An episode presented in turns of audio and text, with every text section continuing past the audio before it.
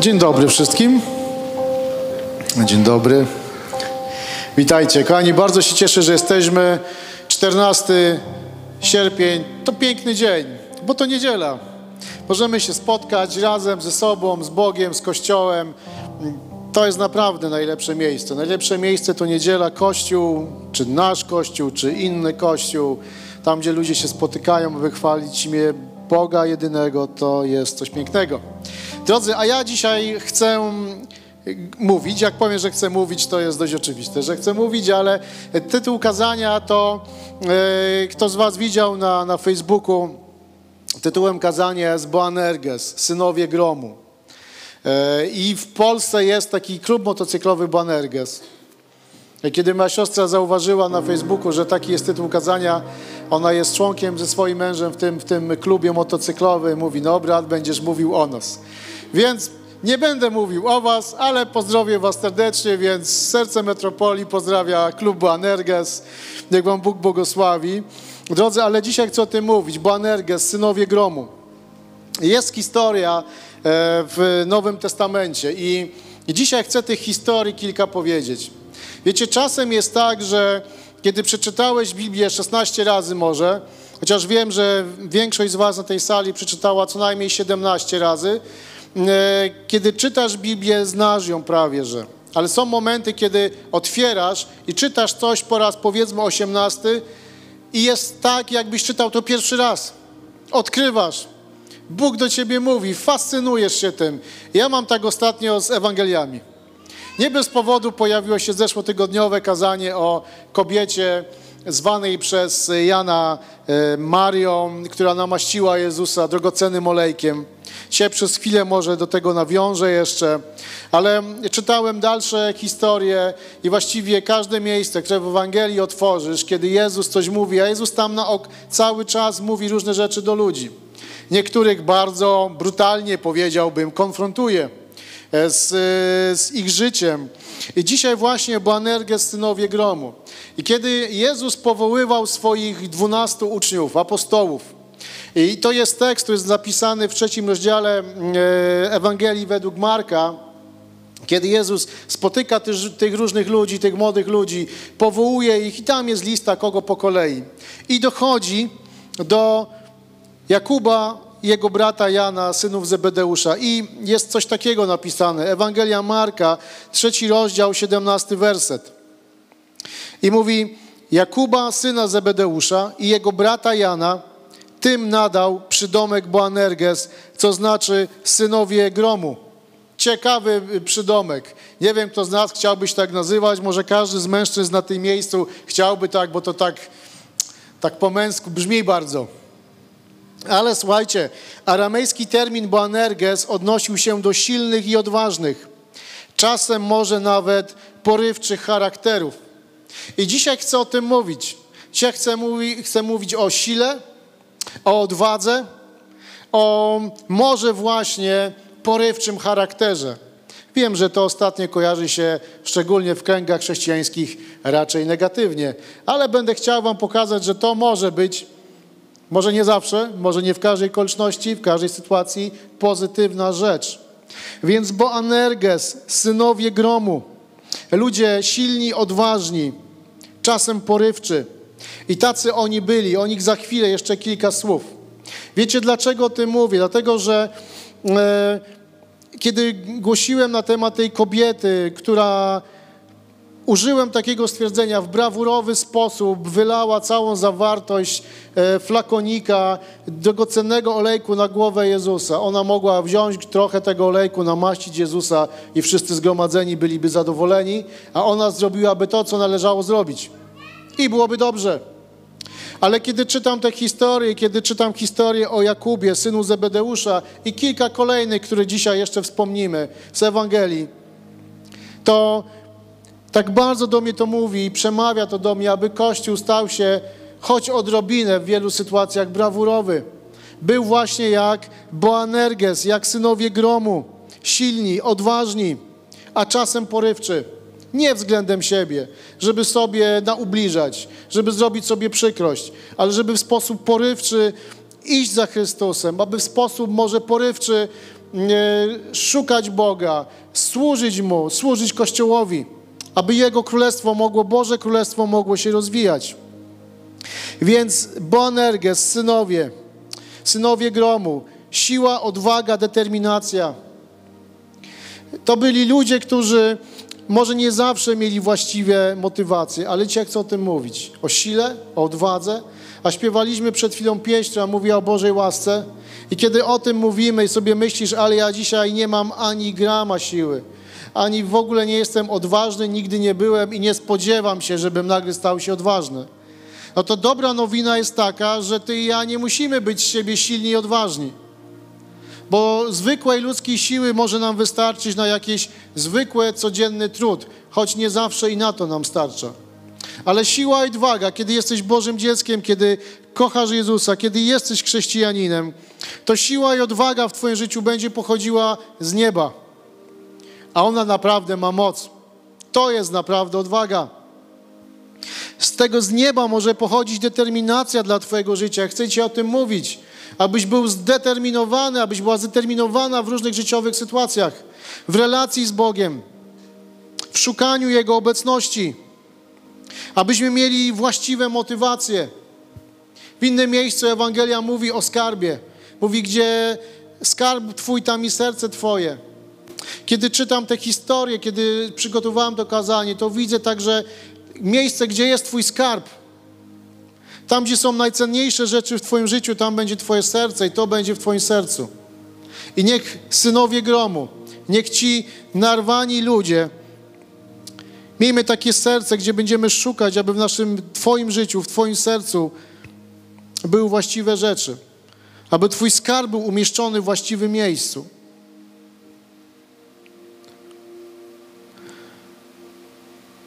abyś miał właściwe podejście do relacji z Bogiem, do służenia Mu, chęć i siłę do poświęcenia, do porzucenia komfortu, aby być bliżej Boga, do porzucenia jakiegoś samozadowolenia, z jakiegoś skonfrontowania się z naszymi oczekiwaniami wobec Boga, a tych mamy tak dużo. Sami jednocześnie postępując w ten sposób, że nie możemy nic od Niego otrzymać. Nie możemy ich doświadczyć. Więc Boanerges, synowie gromu, gwałtownicy. I dwa teksty, jeden z Ewangelii Mateusza, drugi z Ewangelii Łukasza. Więc Ewangelia Mateusza, 11 rozdział i 12 werset. I tam jest historia, sytuacja, która opisuje, co działo się z Janem Chrzcicielem, że Jan Chrzciciel był strącony w więzieniu przez króla Heroda. I możemy czytać słowa, które zawarł Mateusz. A od dni Jana Chrzciciela aż dotąd Królestwo Niebios doznaje przemocy i porywa, porywają je ludzie, którzy przed niczym się nie wahają. Inne tłumaczenia mówi, że doznaje gwałtu i gwałtownicy je porywają. Cóż za niepasujący do Pisma Świętego tekst. Kolejny tekst, Ewangelia Łukasza, 16 rozdział, 16 werset. Prawo i prorocy sięgali w swym przesłaniu aż do Jana. Od Jana, mowa o Janie Chrzcicielu, do Jana. Od Jana głoszona jest dobra nowina o Królestwie Bożym i każdy się na siłę do niego wdziera.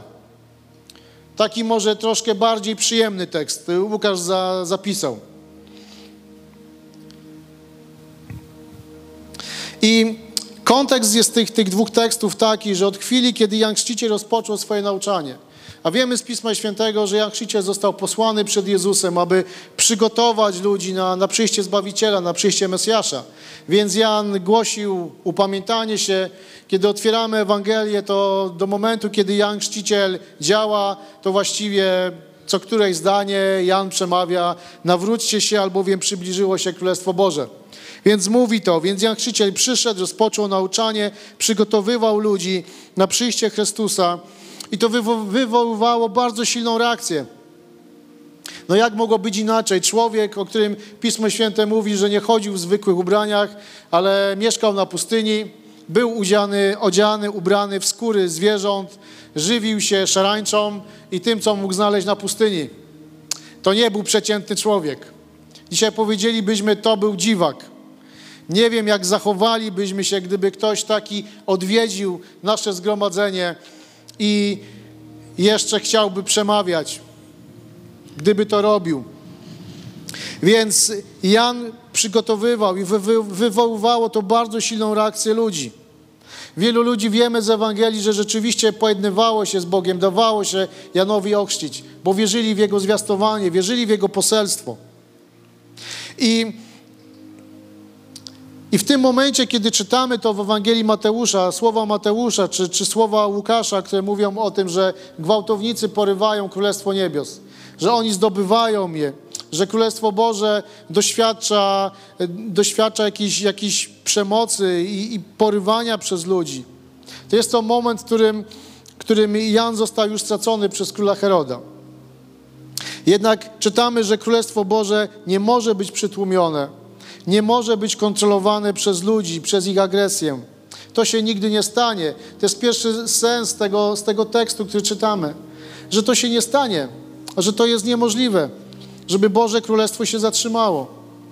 Jedyną pra prawdą też w tym tekście jest to, że Ty i ja możemy się zatrzymać, ale Boże Królestwo się nie zatrzyma. Boży plan się nie zatrzyma. Więc Boży plan się nie zatrzyma.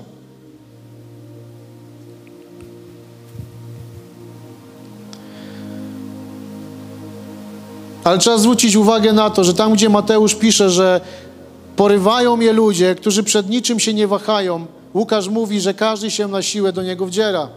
Mówi o jakiejś sile, jakiejś wejściu na siłę do Królestwa Bożego, do przyjęcia jakiejś postawy, determinacji, aby szukać Boga. Więc ten sens, więc sens tego wersetu może brzmieć następująco. Królestwo Boże, czy Królestwo Niebios, jak pisze Mateusz, nieubłagalnie się rozwija, bo Boży plan się realizuje.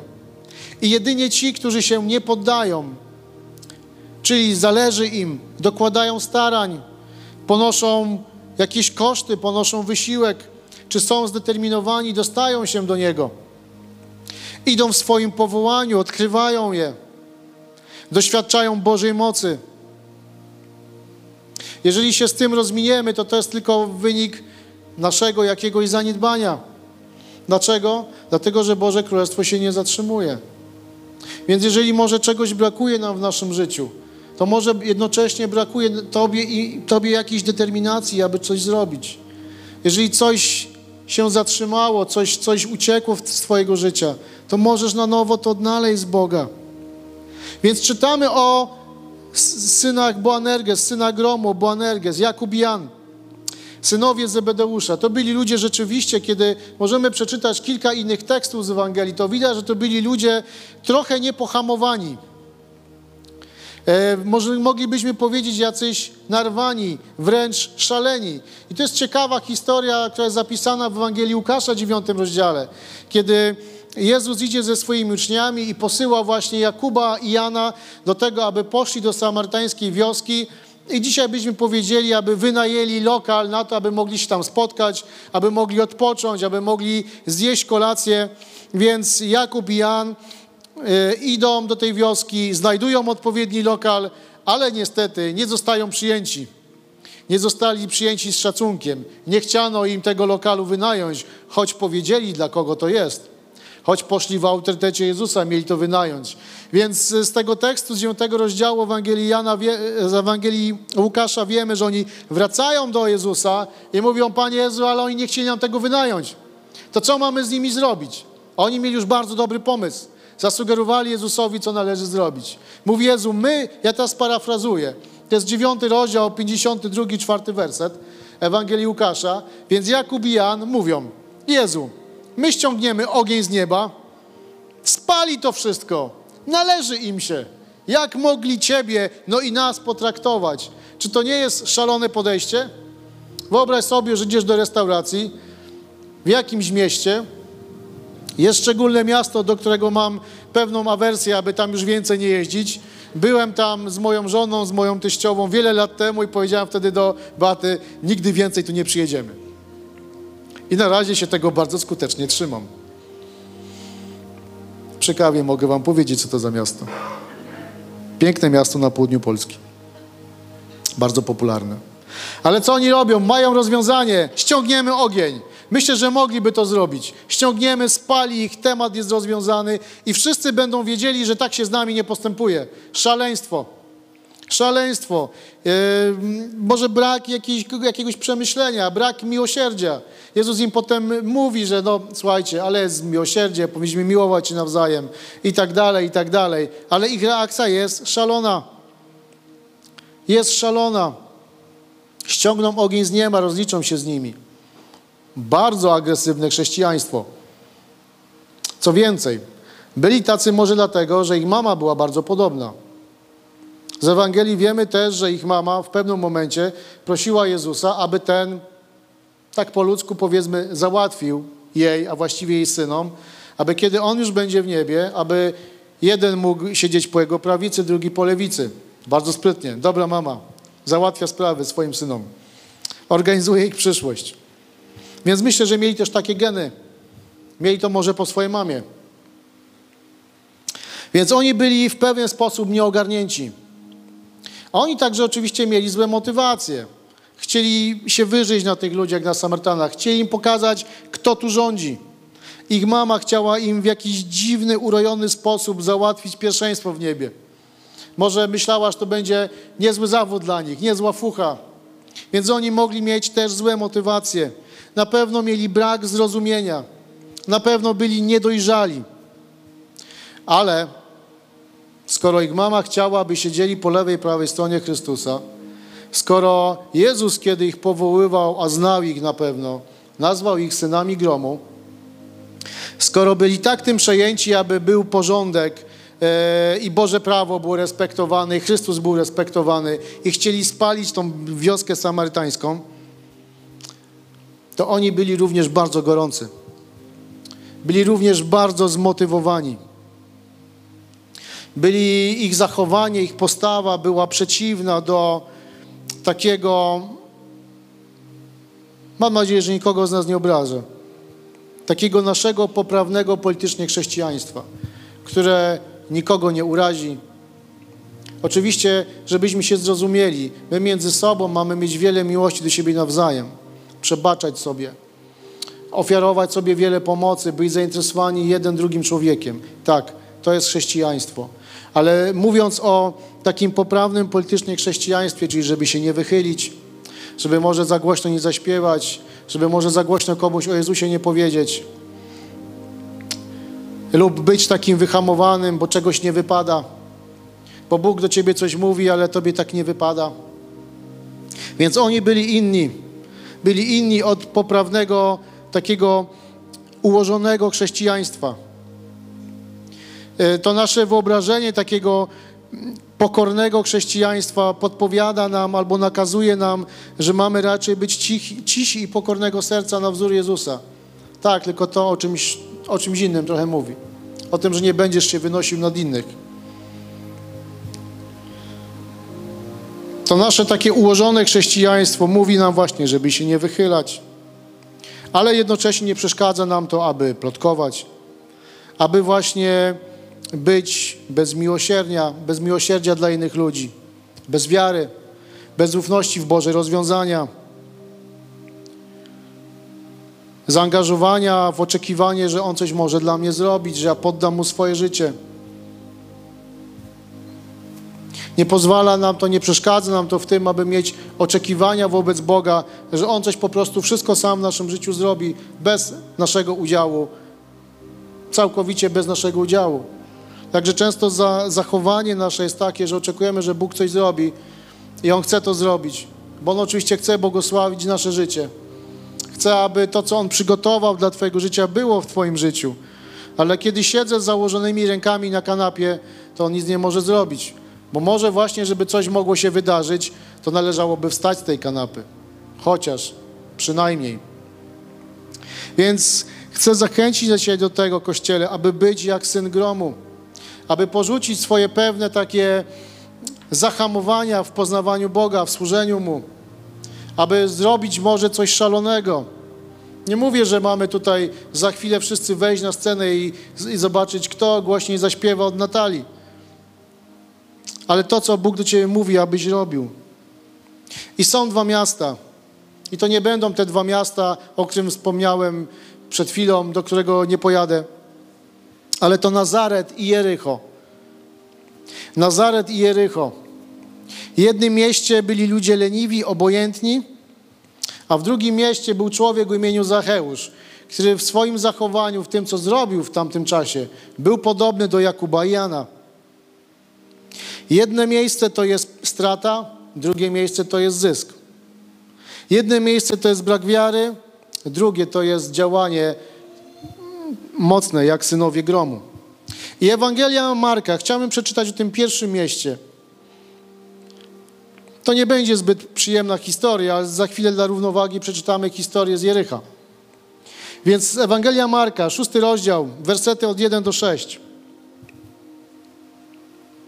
I czytamy tu historię, kiedy Jezus pojawił się w swoim rodzinnym Nazarecie, aby, aby usługiwać ludziom. I czytamy, potem wyszedł stamtąd i udał się w swoje rodzinne strony. Towarzyszyli mu jego uczniowie. Gdy nastał szabat, zaczął nauczać w synagodze. Wielu słuchaczy dziwiło się i zastanawiało się, skąd on to ma. Co to za mądrość, która jest mu dana? Takie cuda dzieją się przez jego ręce. Czy to nie jest ten cieśla, syn Marii, brat jego siostry? Czy jego siostry nie mieszkają wśród nas? I stopniowo odwracali się od niego. Wówczas Jezus zwrócił im uwagę. Nigdzie prorok nie spotyka się z lekceważeniem, jak tylko w ojczystych stronach, w gronie swoich krewnych i we własnym domu. Przez to nie był w stanie dokonać tam żadnego cudu, tylko, kilku, tylko na kilku chorych włożył ręce i uzdrowił ich. I dziwił się ich niedowiarstwu. Ponadto obchodził okoliczne wsie i nauczał. Taka dość tragiczna historia, dramatyczna. Otóż Jezus przychodzi w swe rodzinne strony, zaczyna ludzi nauczać i wszyscy są zachwyceni. Zwróćmy uwagę na początek tej historii. Zwróćmy uwagę na początek tej historii, że ludzie byli zaskoczeni, byli zdziwieni, skąd ma taką mądrość, skąd jest taka moc towarzyszy Jego nauczaniu, Jego usłudze. Ale już po przecinku zauważają, że to był, że to jest człowiek spośród nich, że to jest cieśla, zwykły cieśla. Więc przestali mu wierzyć, przestali ufać mu, przestali słuchać go. Więc tragiczna historia. Z jednej strony doświadczają mocy, ale za chwilę, no przecież to jest jeden spośród nas, więc to nie może być prawda. Więc spotkało go lekceważenie. Jezusa spotkało lekceważenie. Przeszkadzało tym ludziom pochodzenie Jezusa. Więc Jezus nie mógł nic zrobić. Kiedy spotyka się coś z lekceważeniem, nic nie możesz zrobić. Bo jeżeli ty chciałbyś komuś coś uczynić dobrego, komuś czymś pomóc, ale ten ktoś będzie cię lekceważył, to nie jesteś mu w stanie pomóc, bo on tej pomocy nie może przyjąć. Tak samo było z Jezusem. Widzieli Jego moc, widzieli Jego działanie, ale Jego pochodzenie przeszkadzało im, więc Jezus nie mógł nic zrobić. Tam, drodzy, gdzie jest lekceważenie, gdzie jest brak wiary, gdzie są wątpliwości, nic się nie wydarzy. Nic się nie stanie, bo Biblia mówi, że stanie się wam według wiary waszej. Więc jeżeli wierzyli, nie wierzyli w Jezusa, lekceważyli Go za Jego pochodzenie w tym wypadku, choć pochodzenie miał takie jak oni, to im przeszkadzało. Może przeszkadzało im to, że, że był Bogiem, że górował nad nimi, a może ktoś sobie przypomniał, że wychował się z nim, a on teraz co? To jest takie dość polskie nawet. Podobni oni są nam. Więc przykre jest to, może tragiczne jest, jest to w tym, tej sytuacji, że oni przyszli do synagogi. Dzisiaj możemy powiedzieć, że przyszli do kościoła. Przyszli może na nabożeństwo. Wierzą w Boga, bo przyszli do synagogi, więc mieli wiarę w Boga Najwyższego. Przyszli tam, aby słuchać aby słuchać nauczania. Więc wierzą Boga. Może nawet dzisiaj ktoś, dzisiaj jeśli mówimy o tym i przyrównujemy do naszego życia, do naszej sytuacji, to może nawet wierzą w Jezusa jako Syna Bożego, jako Zbawiciela i przychodzą, spotykają Go w jakiś sposób, bo spotkali się z Nim w tej synagodze i dziwili się i byli zachwyceni mocą, która towarzyszyła Jego działaniu. Spotykają Go, jednak niczego nie doświadczają lub niewielka część tego, czego mogliby doświadczyć, mają w swojej ręce. Niewielka część. Możemy sobie zadać pytanie, co jest tego powodem.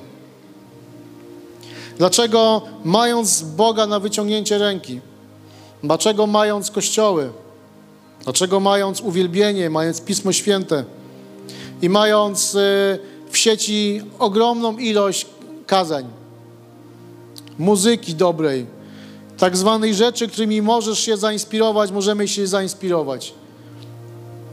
Czemu nie spotykamy się z Bogiem? Czego nie doświadczamy pełni Jego mocy w naszym życiu? Dlaczego to stało się w Nazarecie? Co jest tego powodem? I wypisałem kilka rzeczy. Pierwsza to oczywiście niewiara. Druga to uprzedzenia.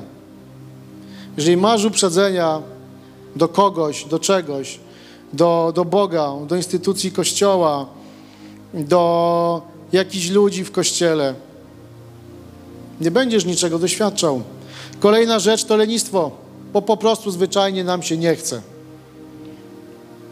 Druga rzecz, kolejna rzecz to wątpliwości. One są chyba najgorsze.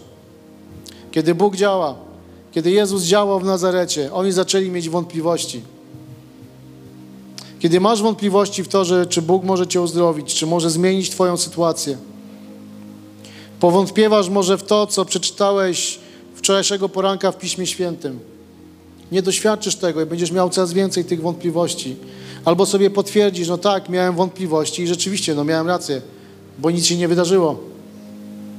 Bóg mnie oszukał. Kolejna rzecz to chrześcijańska ostrożność. To przeciwieństwo Jakuba Jana, ta ostrożność, czy można, czy wypada, czy Bóg tak działa. No nie, Bóg tak nie działa, więc będę dalej ostrożny. Wygoda. Jakże często chcemy wielkich rzeczy, pięknych rzeczy, ale nie możemy zrezygnować z odrobiny swojej wygody. Z tego, aby może przyjść na nabożeństwo, aby przyjść na jakieś spotkanie kościoła, aby poświęcić część swojego odpoczynku w ciągu dnia, aby, aby służyć Bogu, służyć Kościołowi, aby zrobić dla kogo coś. Bo to jest przecież mój czas i mam do tego prawo. Pewnie, że masz. Wykorzystaj go tak, jak chcesz. Kolejna rzecz to przekora. Bardzo często jesteśmy przekorni, a akurat, że nie. Akurat, że tego nie zrobię. A co mi będziesz mówił? Co mi będziesz mówił, pastorze, liderze? Czasem może nawet jesteśmy gotowi powiedzieć do Boga, co będziesz mi mówił. Ja wiem lepiej. Kiedy Bóg cię przekonuje do jakiegoś działania, ty tego nie robisz, no bo wiem lepiej. Wiem lepiej, jak Bóg może zdziałać w moim życiu. Wiem lepiej, w jaki sposób mogę osiągnąć swoje cele. Więc przekora.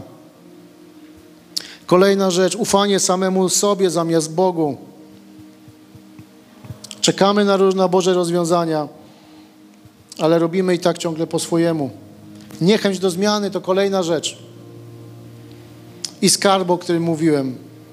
Skarb, który nie jest umieszczony w Bogu, a w tym, co mamy, w naszych materialnych rzeczach, w naszej pozycji, pozycji społecznej, pozycji kościelnej. Gdzie jest Twój skarb? To są rzeczy, które nie pozwalają nam spotkać się z Bogiem, doświadczyć Jego mocy. I to wydarzyło się w Nazarecie.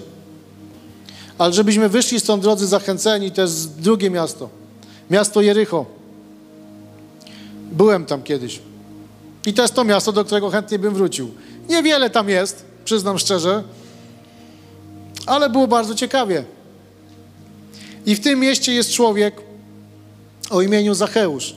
I chciałbym, abyśmy zajrzeli w tą historię. Króciutko. 19 rozdział Ewangelii Łukasza. Ja przeczytam może troszkę więcej wersetów niż zostanie wyświetlone. I czytamy od pierwszego. Potem wszedł do Jericha i przechodził przez miasto. W tym czasie pewien bogaty człowiek imieniem Zacheusz, przełożony celników, próbował zobaczyć Jezusa. Chciał on się dowiedzieć, kim jest Jezus, lecz nie mógł, gdyż był niskiego wzrostu. I tłum mu go zasłaniał. Pobiegł więc naprzód i aby ujrzeć Jezusa, wspiął się na sykomorę rosnącą przy drodze, którą, przy drodze, którą Pan miał przechodzić. Gdy Jezus przyszedł na to miejsce, spojrzał w górę i powiedział: Zacheuszu, zejdź prędko, gdyż dzisiaj muszę zatrzymać się w Twoim domu. Zacheusz zszedł więc czym prędzej i z radością przyjął go u siebie. Zajście to wywołało powszechne niezadowolenie. Oczywiście. Poszedł w gościnę do grzesznika szemrano. Zacheusz natomiast podniósł się i oświadczył wobec Jezusa: Panie, Oto połowę mojego majątku przeznaczam dla ubogich. A jeśli na kimś coś wymusiłem, oddaję poczwórnie. Jezus zaś odpowiedział: Dziś zbawienie stało się udziałem tego domu, ponieważ i ten człowiek jest synem Abrahama. Syn człowieczy przyszedł bowiem, aby odszukać i ocalić to, co zginęło. Więc mamy dla przeciwwagi znakomitą historię. Jezus wchodzi i jest Zacheusz. Zacheusz, który też zachował się inaczej niż oczekiwano. Nie dość, że był celnikiem, więc nie był zbyt lubiany, bo mieli oni to do siebie, że drugie tyle, ile zabierali podatku, zabierali swój prywatny podatek do kieszeni. To prawda historyczna. Więc celnicy raczej byli, delikatnie mówiąc, nielubiani w społeczeństwie. Więc pojawia się ten Zacheusz, chce zobaczyć Jezusa i wchodzi na drzewo. Myślę, że się ośmieszył. Myślę, że ludzie z niego kpili, mieli, mieli, mieli dobrą zabawę z niego, bo mogli zobaczyć go w sytuacji niezręcznej. A na pewno mogli mu złorzeczyć za to, że ich okradał. Sam powiedział: Panie, to co ukradłem, oddaję. Przyznał się do swoich win, można powiedzieć. Więc on przychodzi, wchodzi na drzewo. Ludzie oczywiście gadają, tak jak gadali w sytuacji, kiedy kobieta namaszczała Jezusa drogocennym olejkiem, ale nie miało to dla niego znaczenia, bo on chciał się spotkać z Jezusem. Więc zrobił wszystko w tamtym czasie, co mógł zrobić, skutecznego, aby spotkać się z Jezusem. Chciał go tylko zobaczyć. Historia jest taka, że Jezus go zaprasza, mówi właściwie Jezus wprasza się do niego do domu. Czytamy, że on zostaje zbawiony, zmienia swoje życie. I ta determinacja Zacheusza zmienia jego życie. Doświadcza Jezusa. Gdyby stał w tłumie, może byłby w tym tłumie, o którym jest powiedziane, że był tylko tłum, który był niezadowolony z tego, że on wszedł na drzewo. To zmieniło jego życie, zmieniło to życie Zacheusza. Doświadczył Jezusa, który przyszedł, aby szukać i ocalić to, co zginęło. Czy ta cała gromada ludzi, która tam była, nie, nie, za, nie zaliczałaś również do tych, których Jezus przyszedł szukać i ocalić? Z jakiegoś powodu Jezus tam szedł, aby znaleźć ludzi, którzy będą mieli wiarę, którzy w Niego uwierzą, którzy przyjmą Jego miłość, którzy przyjmą Jego ofiarę, Jego działanie, Jego uzdrowienie. A jednak był tylko jeden Zacheusz, który był gotowy, aby naprawdę zrobić więcej, aby spotkać Jezusa, aby Jezus mógł wejść do jego domu. Tłum to nie jest dobre rozwiązanie. Możesz być w tłumie. Możesz być w kościele, możesz być na nabożeństwie. Ale to, czy spotkasz się z Jezusem, to już jest Twoja indywidualna decyzja. Twoje indywidualne otwarcie serca. Może być niesamowita Boża obecność. Ale teraz pytanie, czy Ty i ja otworzymy serce na, na tą Bożą obecność, aby On mógł coś uczynić w Twoim życiu. Więc Zacheusz wchodzi na to drzewo, doznaje przemiany. Chrystus ocala jego życie, ocala jego rodzinę. Druga rzecz, która z tego wynika, on powiedział, że Panie, to co ukradłem oddaję, oddaję biednym. Mówi, połowę mojego majątku oddaję biednym, a to co ukradłem oddam w czwórnasób. To jest zmiana jego życia, powoduje zmianę życia innych ludzi. Nie wiemy, co stało się z tymi ludźmi, ale skoro oddał im pieniądze, prawdopodobnie mogli potrzebować tych pieniędzy i trafiły do nich w właściwym czasie. To, co Ty i ja robimy w relacji z Bogiem, to w jaki sposób to odpowiadasz na to, co Bóg mówi do Twojego życia. Twoje posłuszeństwo, Twoja wiara, Twoje oddanie, Twoje może jakieś w Twoim rozumieniu szalone postępowanie będzie wpływało pozytywnie na czyjeś życie. Po pierwsze, ktoś będzie mógł być zbawiony, bo usłyszy Ewangelię. Twój czyn może spowodować, że kogoś podniesiesz.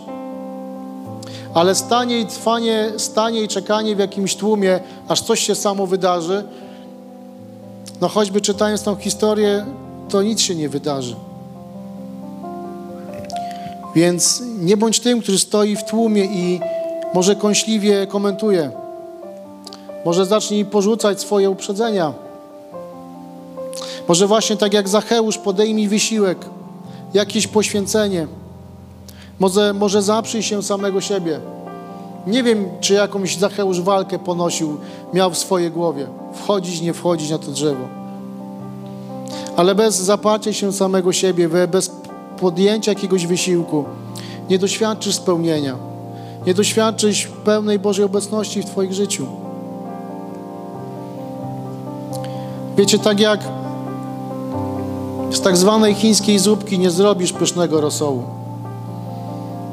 Tak żyjąc jakimiś chrześcijańskimi półśrodkami, nie doświadczyć Bożej obecności, jak będziesz stał w tym tłumie. To się nie może wydarzyć. I ostatni tekst dzisiejszego kazania.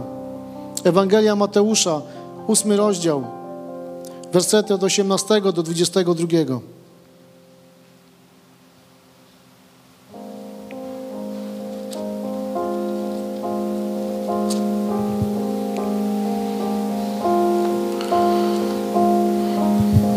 Gabi obiecuje, że do pół godziny skończy.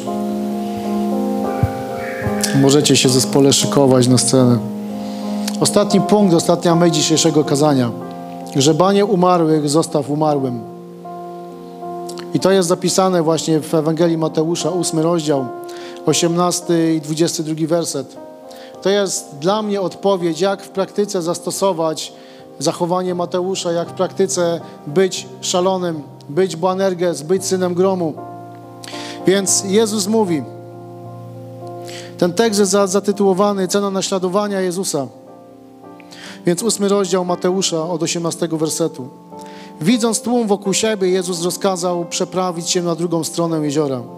Wtedy podszedł do niego pewien znawca prawa. Nauczycielu powiedział: Pójdę za tobą, dokądkolwiek się udasz. Jezus mu odpowiedział: Lisy mają nory i ptaki gniazda. Syn człowieczy jednak nie ma gdzie skłonić głowy. Inny z kolei spośród jego uczniów poprosił: Panie, pozwól mi najpierw odejść i pogrzebać mojego ojca. Jezus mu na to: Chodź za mną. Grzebanie umarłych zostaw umarłym. Pozornie trudny tekst. Moglibyśmy się obrazić na Jezusa, co to w ogóle za słowa? Jak można tak powiedzieć? Mam pochować ojca, grzebanie umarłym, zostaw umarłym, Jezus mówi, chodź za mną. Ale to stwierdzenie, pozwól mi najpierw odejść i pogrzebać mojego ojca, nie oznacza to, że ojciec tego człowieka umarł. To było stwierdzenie, które oznaczało, że, że pogrzebać mojego ojca to powszechne, używana przenośna w tamtym, tamtym czasie, która oznaczała pozwól mi poczekać, aż dostanę mój spadek. Więc to nie było to, że on musiał rzeczywiście pogrzebać ojca, że jego ojciec umarł. Ale wolał czekać. Mówi, Jezu, ja pójdę za tobą. Jest w ogóle ciekawa historia. Jezus mówi, chodź za mną, a on mówi, poczekaj, jak dostanę swój spadek. Nie wiem, czy wiedział, kiedy jego ojciec umrze i będzie mógł dostać ten spadek. Może to mógł być rok, może to było 10 lat, ale to jest postawa.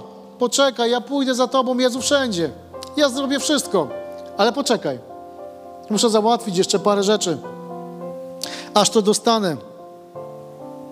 I Jezus mówi, grzebanie umarłym zostaw umarłym. Czyli pozwól ludziom należącym do świata duchowo umarłym zająć się rzeczami ziemskimi, a ty idź za Jezusem. Zostaw to grzebanie umarłych. Zostaw te swoje sprawy. Zostaw ten swój spadek, na który czekasz i kiedyś przyjdzie. Przestań grzebać umarłych i zacznij żyć ze mną. Jezus mówi, chodź za mną. Niech to zrobią inni ludzie za ciebie. Więc mówi: zostaw te umarłe rzeczy, zostaw niewiarę, zostaw swoje uprzedzenia, zostaw swoje lenistwo i idź za mną. Chciałbym Was, drodzy, zachęcić, abyśmy mogli powstać, abyśmy mogli uwielbiać jeszcze Boga przez chwilę.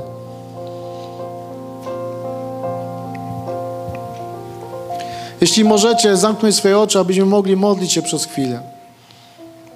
Ale tak bardzo chcę Was Cię zachęcić do tego, wzbudzić może, niech Pan wzbudza wiarę wśród nas zachęcić do tego, abyśmy postępowali czasem bardziej może dynamicznie, bardziej odważnie w poznawaniu Boga, bardziej e, odważnie w tym, aby zaufać Bogu, w tym, co On wkłada do Twojego życia, co On ma dla Ciebie, abyś mógł doświadczać pełni Jego obecności, abyś nie spotykał się tylko z Bogiem i, i znał Go tylko w jakiś sposób, aby Jego obecność, moc Jego Ducha Świętego była w Tobie, była w Twoim życiu.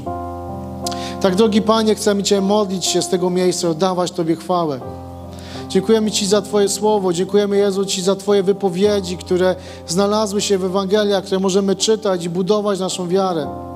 Ale dzisiaj, Panie, chcemy się modlić i chcemy modlić na tym miejscu, abyśmy my jako Kościół, my jako osoby poszczególne, mieli taką postawę właśnie jak Jan i Jakub, którzy może wyrywali się zbyt do przodu, ale Panie, abyśmy nie byli zasiedzeni, ale byśmy wyrywali się do tego, aby spotykać się z Tobą.